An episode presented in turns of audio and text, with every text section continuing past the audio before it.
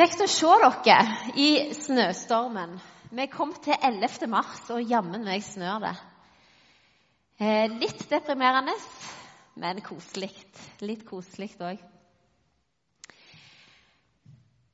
Vi er inne i en taleserie for tida som har valgt å kalle 'Mestermøte'. Vi tar utgangspunkt i historier fra evangeliene. Møtepunkter mellom Jesus og mennesker som, som evangeliene er full av. Og Vi har vært der noen søndager, og vi kommer til å fortsette noen søndager til. For vi har en opplevelse, vi får en del tilbakemeldinger på det, at eh, folk opplever det. Vi opplever det godt. Vi opplever at gudstjenestene blir sånne mestermøter. For i disse menneskene som Jesus møtte ansikt til ansikt når han gikk på jorda Sakkeus, som vi har hørt om, Bartimeus og flere med det, så møter vi oss sjøl. Vi møter oss sjøl i disse mestermøtene. Og vi opplever Jesus tale til oss. Og I går var det Melodi Grand Prix. Jeg vet ikke, Var det noen som fulgte med? Ingen som tør innrømme det? Eller var det virkelig så få?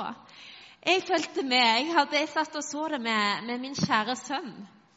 Og Alexander Rybak, som Torfinn var bassist for eh, etter forrige runde, var med nok en gang i år. Og Jeg kjente litt på den samme følelsen jeg hadde for, for noen, en del år tilbake, når jeg visste at det, eh, vinner han nå, så blir det travelt for meg. Da går jeg tapende ut. Så Jeg visste ikke om jeg skulle heie eller ikke heie.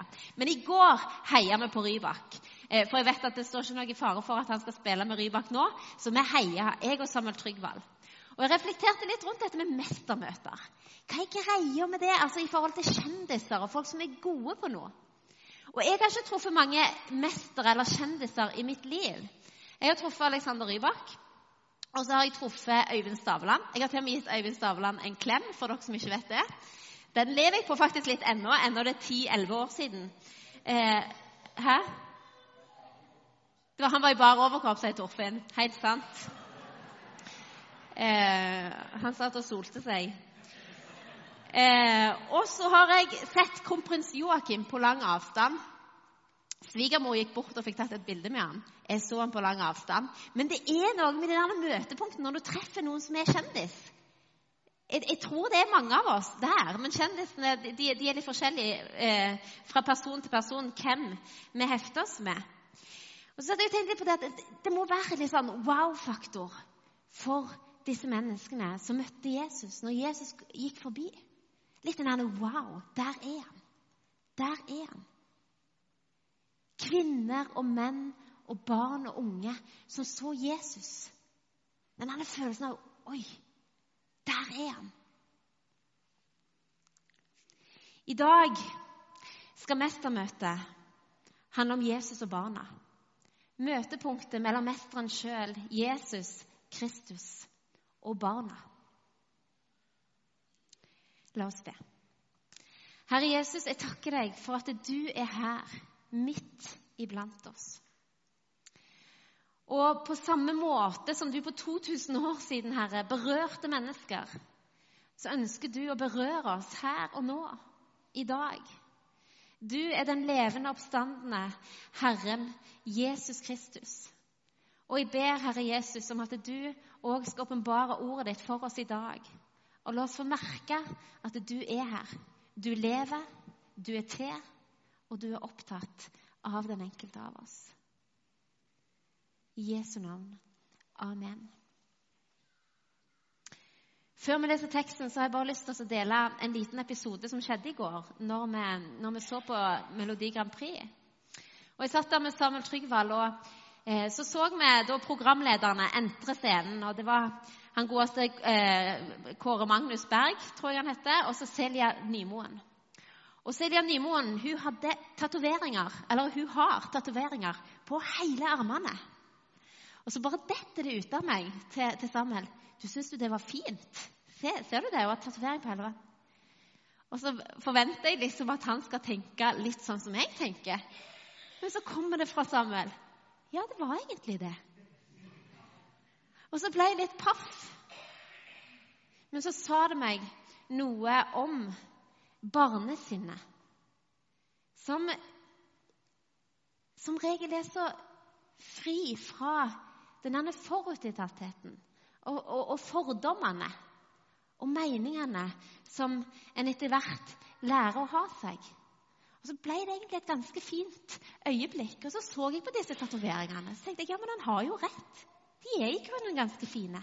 Utrolig eh, For et kunstverk hun hadde på armene sine. Ok, vi går til teksten. Det står det i Markus 10. Eh, vi vet at eh, her, i, når denne scenen utspiller seg, så er Jesus og disiplene de, de, drar fra område til område. De er på vei mot Jerusalem. Og de har kommet eh, til landet bortenfor Jordan, står det. Til Judea. Og det står det at folk samla seg hos ham igjen, og han underviste dem som han pleide. Og så er det en dag eh, der de nok har gått ut for å møte folkemengden igjen, så står det De bar små barn til ham for at han skulle røre ved dem, men disiplene viste dem bort. Da Jesus så det, ble han sint og sa til dem.: La de små barna komme til meg, og hindre dem ikke, for Guds rike tilhører slike som dem. Sannelig, jeg sier dere, den som ikke tar imot Guds rike slik som et lite barn, skal ikke komme inn i det. Og han tok dem inntil seg, la hendene på dem og velsignet dem. For et mestermøte! Vi begynner der. Vi begynner med mestermøtet Jesus og barna. Vi skal komme tilbake til både disiplene og til de som var barna til Jesus. Men for et mestermøte! Barna kom til Jesus, og han tok de inntil seg, la hendene på dem og velsigna dem. For et mestermøte! Å komme nær. Få lov til å Han er wow-personen som gikk rundt, som folkemengdene stimla seg rundt. Han tok barna inntil seg, og han la hendene på dem, og han velsigna dem. I den jødiske tradisjonen så var det helt vanlig det at rabbinerne velsigna barna. Men det som ofte var at eh, Og vi kan lese det eh, når vi leser om, om Josef som møter eh, slekta si etter, etter, mange mange år i Egypt, så ser vi det at eh, han legger hendene Han gjorde noe som var litt sånn uortodoks der og da. For han legger hendene på hodet til yngstemann i flokken. Og da ble det reaksjoner. For en skal jo alltid legge hendene på eldstemann og velsigne eldstemann først. Og Allerede der så ser vi noe av Guds hjerte i det hele med at de minste alle skal fram. Det var helt vanlig at en eh, ba de, de, religiøse lederne, om, altså rabbinerne, om, om, om å velsigne ungene. Men denne Jesus han var annerledes. Og de stimla rundt ham. De bar barna til ham. Og så gjorde han det som Han tok de inntil seg. Han la ikke bare hendene på dem, han tok de inntil seg og velsigna dem. Jeg har vært på Liv og vekst en del ganger. Og der har jeg ofte vært vitne til at eh, de som er barneledere, de er frimodige på bønneveien, altså på bønnens vegne. Og jeg kommer, jeg kommer, aldri til å glemme jeg tror det var, Samuel Trygvald og, og Elina var seks og fem år. Og så var vi inne i dette lille teltet. Og så var det en, han som er pastor i Drammen nå, Øyvind heter han. Han, han, eh, han Etter han hadde hatt andakt, så ba han alle ungene om å legge seg ned med hendene på magen. Og hvis de hadde lyst at de voksne lederne skulle komme og be for dem og legge hendene på dem, så kunne de bare rekke opp hånda. Og Det var rundt sånn 50-60 unger i teltet, og langt over halvparten rekte opp hånda. De ville, og dette var de fra tre til, til seks år, de ville bli lagt hendene på og de ville bli bedt for. Og Jeg husker ennå stemningen og følelsen inni eh, teltet på det barnemøtet. At det var så godt. Det var så, det var så trygt og fint. Og så gikk voksenlederne rundt. Helt naturlig la ei hånd på barnets hode og ba en bønn. Og en merka at ungene satte pris på det. Tok det til seg og opplevde å bli berørt av Jesus. Senest nå i sommer eh, så, så, hadde Viggo holdt en tale, en radikal tale på det ene mestermøtet vi hadde der. Og snakket om Jesus som ga alt for oss for at vi skulle gå fri. Og Mot slutten av talen så spør han hvis det er noen av dere barna som vil bli bedt for, så sitter jeg borte på tjukkasen der, på den sida av salen. Vet du hva, det var kø av unger som ville bli bedt for. Og det sier meg noe, òg når vi har hatt bønnevandringer her. Ungene er så aktive, de er så delaktige. De vil. Og det sier meg noe om at vi må ta barns åndelighet på alvor. For disse små De har De er små åndelige vesener, akkurat som har kropp, sjel og ånd. Og Jesus vet å tale til hjertene deres.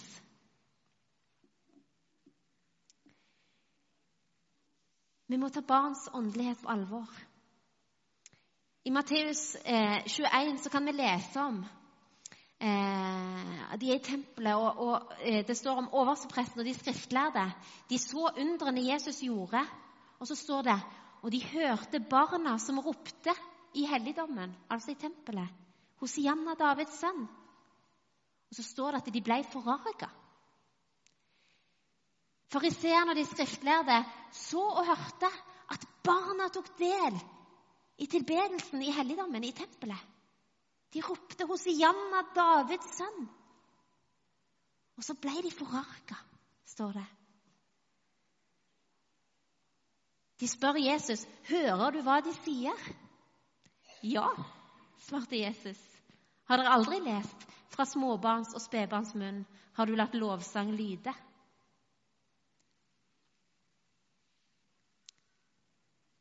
Jesus tar barnas åndelighet og behov, åndelige behov på alvor. Viktig for ham. Han tar barna inntil seg. Han legger hendene på dem, og han velsigner dem. Men han er òg avhengig av at vi bringer dem til ham. Eller bringer ham til dem. Som mødrene og fedrene gjorde i fortellingen. Det er blitt gjort et forskningsprosjekt av The Barna Group for noen år siden. Eh, et seriøst eh, forskningsprosjekt noen av dere har hørt eh, statistikken fra det bli delt tidligere, men jeg skal løfte det litt fram òg. Og det, det, Åtte forskjellige eh, nasjonaliteter var med på dette forskningsprosjektet. Og det gikk på dette i forhold til hvorfor er det så mange barn som forlater troa si når de blir voksne. Og for, Dette forskningsprosjektet det avdekka at det tre av fem unge mennesker de forlater troa si når de blir voksne. Tre av fem. Det er nesten 60% Og mellom 90, nei, 60 og 90% av dagens kristne barn, de som har ei tro, de vil forlate troa på Jesus når de blir voksne. Og det er ganske alvorlige tall. Det er over halvparten av de vi så stå her framme, hvis vi skal tenke statistisk. Og vi kan kjenne på det at vi er bekymra, vi er redd for barna våre. Og vi ønsker på, fra dypet av hjertet at de skal vokse opp i troen på Jesus. Det vet jeg at vi er mange som står sammen om i kirka, om å kjenne på og mene og be for. Og vi vet òg at det er på Guds hjerte at det er ingen, eh, ingen eh, som, som Jesus sier i Matteus 18 slik vil heller ikke deres far i himmelen at en eneste av disse små skal gå fortapt eller gå seg vekk. Det står dog det i ordspråkene 22 at lær den unge den veien han skal gå, så viker han ikke fra den, selv når han blir gammel. De som var med, eh, Så det er hjertet vårt. Men så har vi et faktum å forholde oss til. Og de som var med i dette forskningsprosjektet, eh, som, som, ikke lenger hadde tro, de, de oppga flere ulike årsaker til hvorfor. Og det ene, Jeg skal bare nevne noen få av det disse unge voksne eh, oppga som årsaker til at de ikke lenger trodde.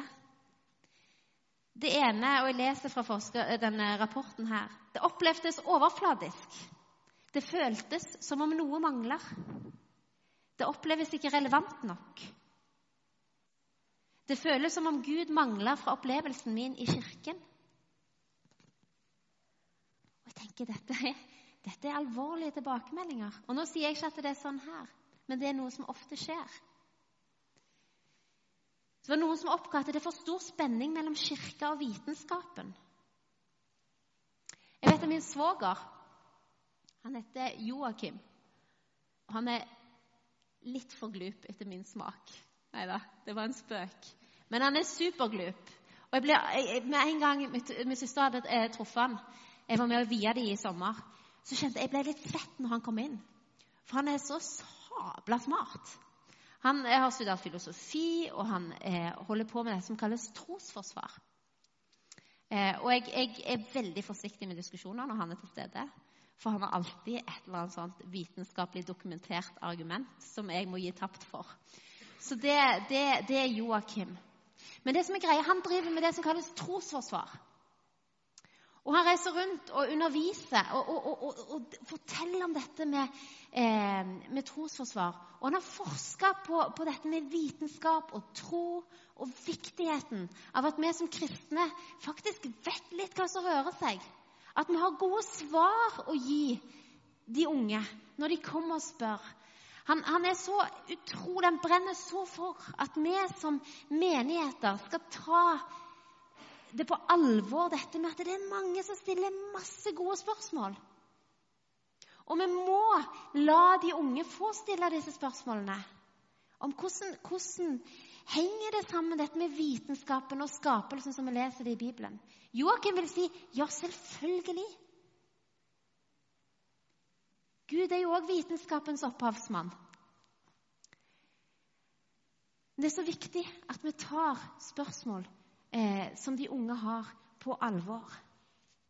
For hvis de ikke får stille spørsmål, og hvis vi ikke har gjennomtenkte, gode svar, så kan vi òg miste dem. De kan trekke seg unna.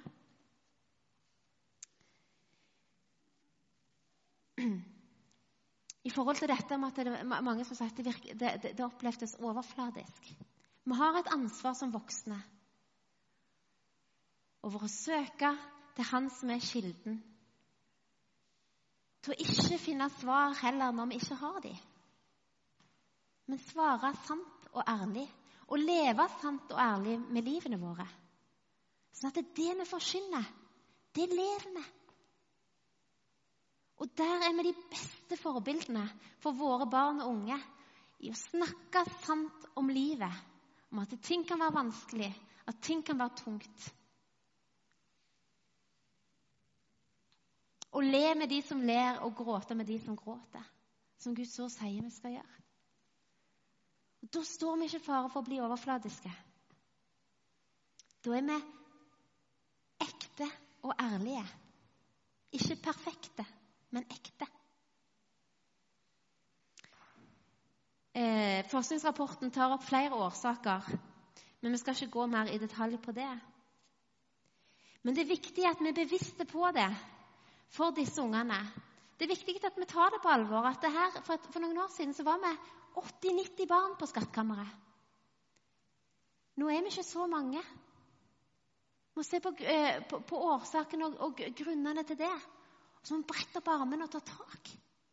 Og Samtidig på en annen side så har vi så utrolig mye bra barn- og ungdomsarbeid. Speideren og Between og, og, og Gledesbud og Soul Children og, og, og Soul uh, Band og trommegjengen. Det er så utrolig mye bra yrende, så jeg er ikke ekstremt bekymra. Men vi må ta på alvor at vi er færre skattkammerledere nå som er med og skaper disse møtepunktene for barna på søndagene. Og gir det Jesus.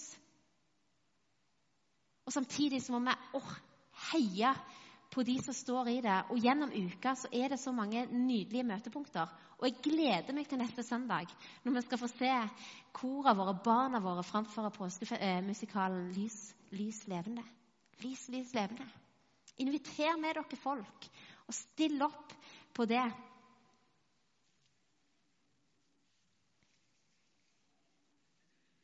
Vi må løfte møtepunktene mellom himmel og jord. For det er sånn Jeg spurte igjen Samuel Trygvald her hvordan, er det på skattkammeret. Jo, det er bra, sier han. Han sier ja, men hvordan, hvordan er det med, med lederen der? Ja, Det òg er bra, sa han. De er jo generaler. Generaler, sa jeg. Ja, de er, de er andresjefene, betyr det, sa han. Ja, Hva med førstesjefen, da? Jo, det er selvfølgelig Jesus, mamma. Det er liksom den. Så har du lyst til å bli general i barns øyne, så verv deg som skattkammerleder. For der, eh, der får du være andresjef og general, ifølge min sønn. Vi må ta barns åndelighet på alvor. Og vi har så mye bra, og så må vi passe oss for å ikke sakke farten. For i samfunnet vårt ellers så går det i 120. Og vi må henge med på utviklingen. Og vi er nødt for å være bevisst på at vi stadig tenker å ha relevante og spennende møtepunkter for ungene våre òg på søndagene. Og vi trenger flere ledere i skattkammeret. Da var det sagt. Det var Jesus og barna. Jesus tar barns åndelighet på alvor. Og han ingenting som gjør hans hjerte nærmere enn å få lov til å velsigne dem Lov til å legge hendene på dem, lov til å ta dem inntil seg og la dem få merke at han er Gud. Han er deres frelser og venn. Så jeg har lyst til å si litt om de andre som er med på dette mestermøtet. Og Da har jeg lyst til å løfte fram disiplene. Det står faktisk bare én gang i Det nye testamentet at Jesus blir sint. Vi vet Han velta noen border på tempelplassen og, og jakte ut de som drev eh, markedsplasser. Men det står ikke at han var sint. Det står det kun i denne historien her, i hele Nytestamentet. Jesus ble sint. For disiplene, de tolv som gikk med ham dag etter dag etter dag De prøvde å stoppe disse barna. Og nå skal jeg fortelle deg en liten sånn eh, bakgrunnsinformasjon på hvorfor jeg òg tror han ble litt sint, og hvorfor eh, han, han, reagerte som han gjorde. I kapittelet før, i Markus 9, så står det nemlig at de brøt opp derfra og la veien gjennom Galilea. Det står det i kapittel 30. Han ville ikke at noen skulle få vite det, for han var opptatt med å undervise disiplene sine. De kom til Kapernaum, og da de var i huset, spurte han dem hva var dere snakket om underveis. Men de tidde, for på veien hadde de snakket med, med hverandre om hvem som var den største. Da satte han seg ned, kalte de tolv til seg og sa til dem.: Om noen vil være den første, må han være den siste av alle og tjene for alle. Og så hør her. Så tok han et lite barn og stilte det midt iblant dem. Han la armen om barnet og sa til dem.: Den som tar imot et slikt lite barn i mitt navn, tar imot meg. Og den som tar imot meg, tar ikke imot meg, men han som har sendt meg. Det er bare, det er bare dager, kanskje det er dagen før. Kapittel 9 så står det de er på vei fra by til by. Og så han, så, så, så, så, da er han litt rolig. Han vil ikke at folkemengden skal vite om det. For han ville undervise disiplene, han ville ha tid med dem. Sant? Så han, de tok en annen vei. Og så demonstrerer han sitt hjerte med å legge armen rundt et lite barn. Og så sier han disse orda. Den som ikke tar imot et slikt likete barn i mitt navn, tar imot meg. Og så kommer de, disse mødrene med barna. Jesus har vært alene med disiplene og jobba med dem, jobba med holdningene. Og så er deres umiddelbare reaksjon at de jager vekk disse som kommer med barna. Ah, jeg det står Jesus ble sint. Han hadde jo akkurat stått og demonstrert. Den som tar imot et barn slik som dette, tar imot meg. Det er et helt sett med holdninger hos disiplene. Det er akkurat som jeg, og, Vi ser det i de andre mestermøtene òg. Bartimeus som ropte 'Du, Jesus Davids sønn, ha barmhjertighet'. De kjente på han. De, sa, de hysja på han. Det, så, det, det, det, virker som om det er så mange lag med fordommer, meninger, holdninger. Og jeg tror akkurat der og da dere, jeg, jeg, sa det jo til dere i går, folkens, og nå jager dere de bort. Hva er det med dere?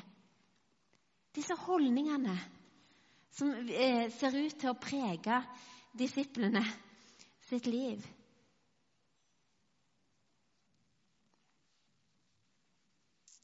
Og Jeg møtte meg sjøl i døra i går når jeg på en måte legger litt føringer for hva Samuel Trygvald skal mene om tatoveringer på hele armene. Sånne kunstverk. Holdninger som bygger seg opp.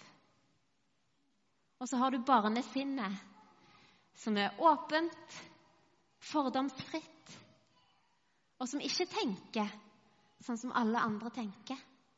Som ser det vakre, som ser kunsten du verden for et kunstverk, egentlig, satt jeg når jeg kikka på Selja Nymoens armer resten av kvelden. Litt av et kunstverk.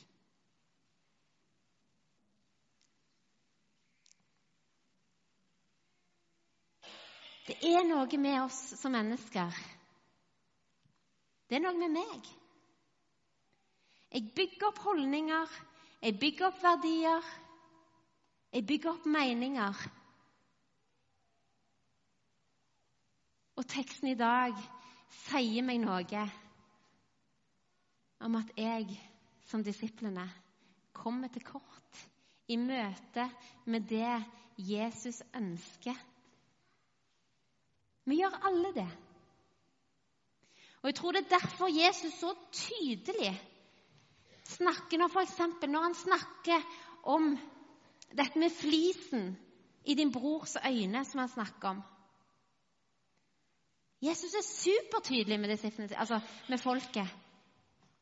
Ikke heng deg opp i flisen i din brors øyne. Sørg først for bjelken i ditt eget liv. Vi er nødt for å være bevisst på at som mennesker så er det noe som faller oss så utrolig naturlig. Og det er å bygge opp holdninger og fordommer på en måte som at vi tenker at selvfølgelig er det sånn som jeg ser det. Men veldig ofte er det ikke det.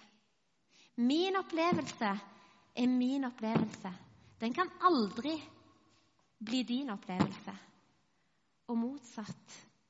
Og på seg selv kjenner man andre. Så når jeg ser ting som er problematisk rundt meg, eller folk jeg ikke eh, Folk jeg syns er utfordrende og kompliserte. Veldig ofte så er det fordi jeg sjøl bærer på noe som gjør at jeg kan se en flis her og en flis der. Veldig ofte så er det ei flis fra min egen bjelke. Ofte kan det være til og med at det er jeg som eier problemet, og ikke den andre jeg peker på. Og Jesus snakker så mye om dette. Og han, må, han møter det igjen og igjen i disiplene. Og han møter det igjen og igjen i mitt og ditt liv. Fordi vi er mennesker. Så trenger vi Han som er den som sier hvordan ting skal være. Den som ikke tar imot et lite barn sånn som jeg tar imot det her nå. Et barn Den som ikke tar imot uh, Sorry. Uh, den som ikke Jo. Uh, det han sier i teksten, at Guds rike hører slike til. Og hva er det med barnesinnet? Jo, det er fordomsfritt. Det har ikke behov for å dømme eller sette fingeren på alt mulig i alle andre. Den barnlige hengivenheten, det barnlige blikket til å se det unike med ting uten disse lagene med fordommer. Det tror jeg det Jesus snakker om. Sannelig, jeg sier dere, den som ikke tar imot Guds rike slik som et lite barn, skal ikke komme inn i det. Jeg tror det er en sannhet her. Paulus sier det. Strekk dere langt. Bær over med hverandre. Løft de andre høyere enn dere sjøl. Om mulig, ikke bli sint. Hei på hverandre. Se det positive. Og Jesus snakker om flisen og bjelken, noe som sier oss at det, de aller, aller fleste gangene vi har lyst til å gnure til noen, for vi syns han er så teit eller urettferdig eller komplisert, så ligger årsaken veldig ofte hos oss sjøl. Ta ansvar for eget liv og egne følelser og egne holdninger, og se til At vi rydder vekk fordommene. Men det er vanskelig. Vanskelig for, det var vanskelig for disiplene, og det er vanskelig for oss. For mange ganger er det veldig mange lag. Så la oss lære av barna disse Jesu ord. Den som ikke tar imot Guds rike som et lite barn. Vi må gi slipp. Vi må gi slipp på stolthet, egen vilje, egne meninger. Når alt kommer til alt, så er det Gud som skal dømme, og Gud som skal mene om alle andre. Så må vi sørge for oss sjøl. Det var disiplene.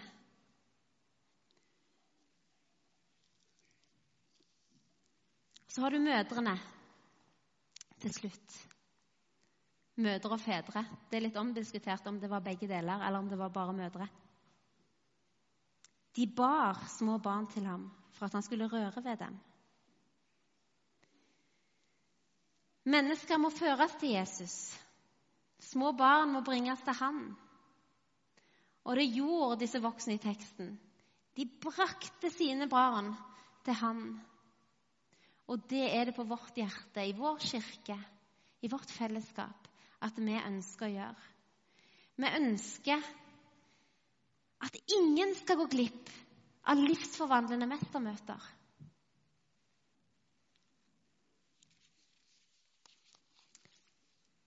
Det er så utrolig, utrolig mye nød, og det er så utrolig mange eh, behov rundt oss.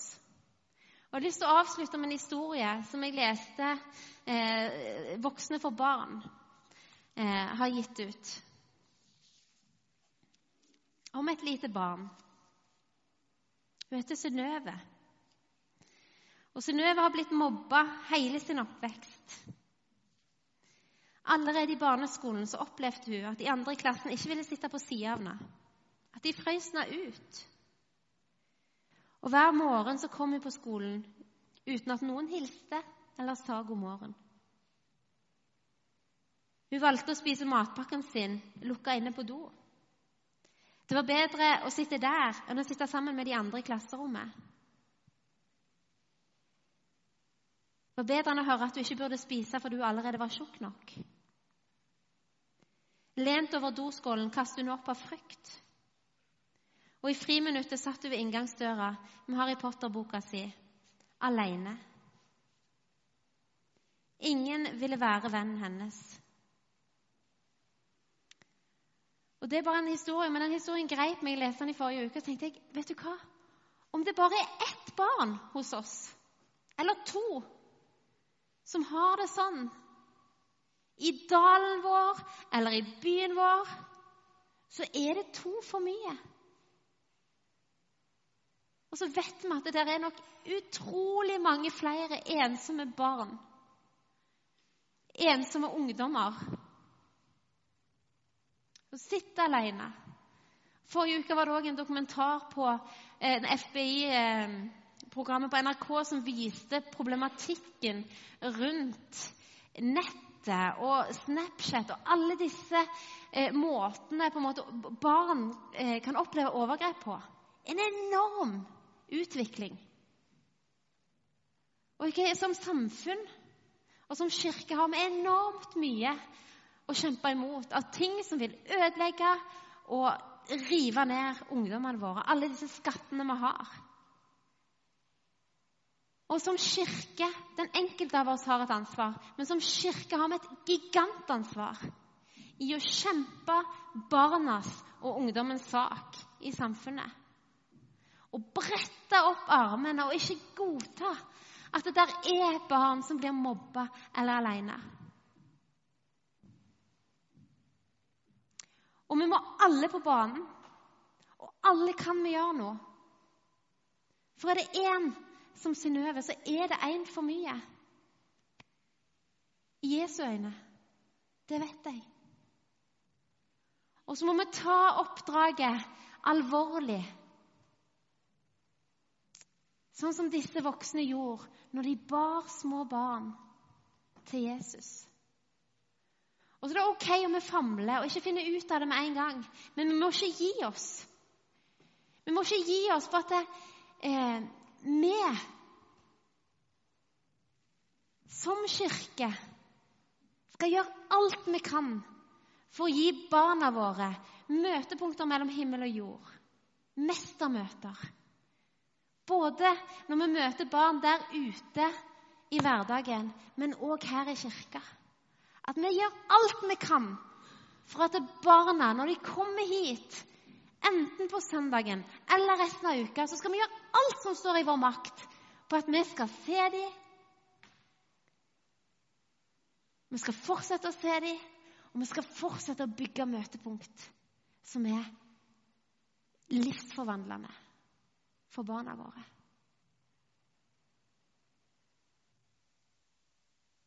Er vi med på det? Det er ikke en eneste å tape. Jesus ønsker ikke at én skal gå fortapt og ikke ha liv i ham.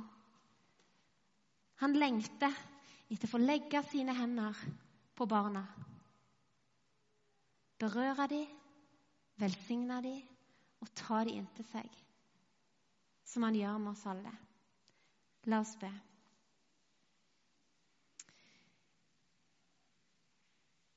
Jesus, jeg takker deg for at det er du som er mesteren sjøl. Du møter oss akkurat der vi er.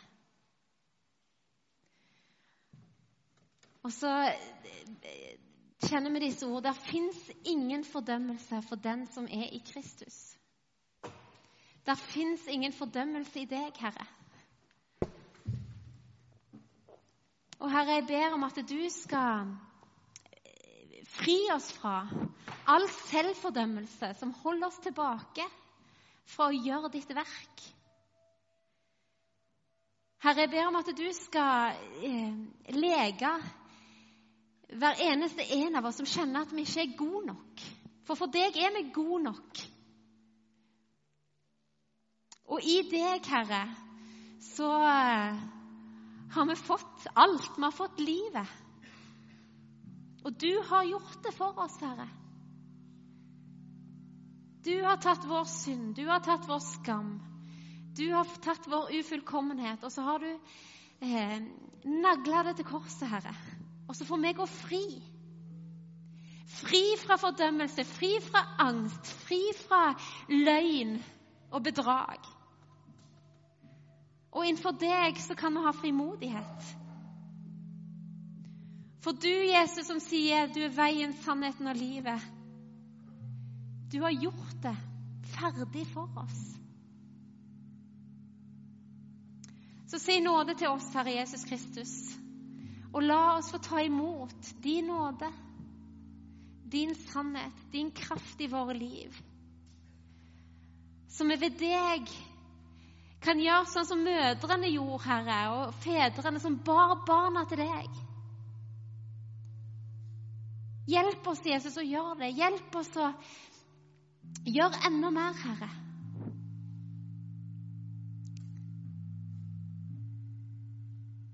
Og Herre, så må du si nåde til oss som så mange ganger bygger opp meninger og fordommer mot andre.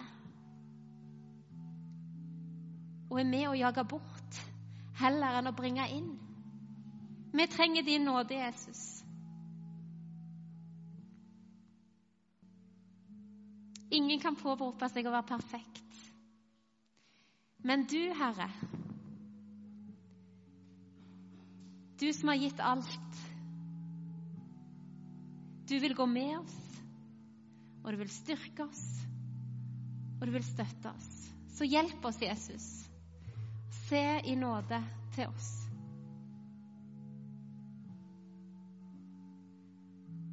Amen.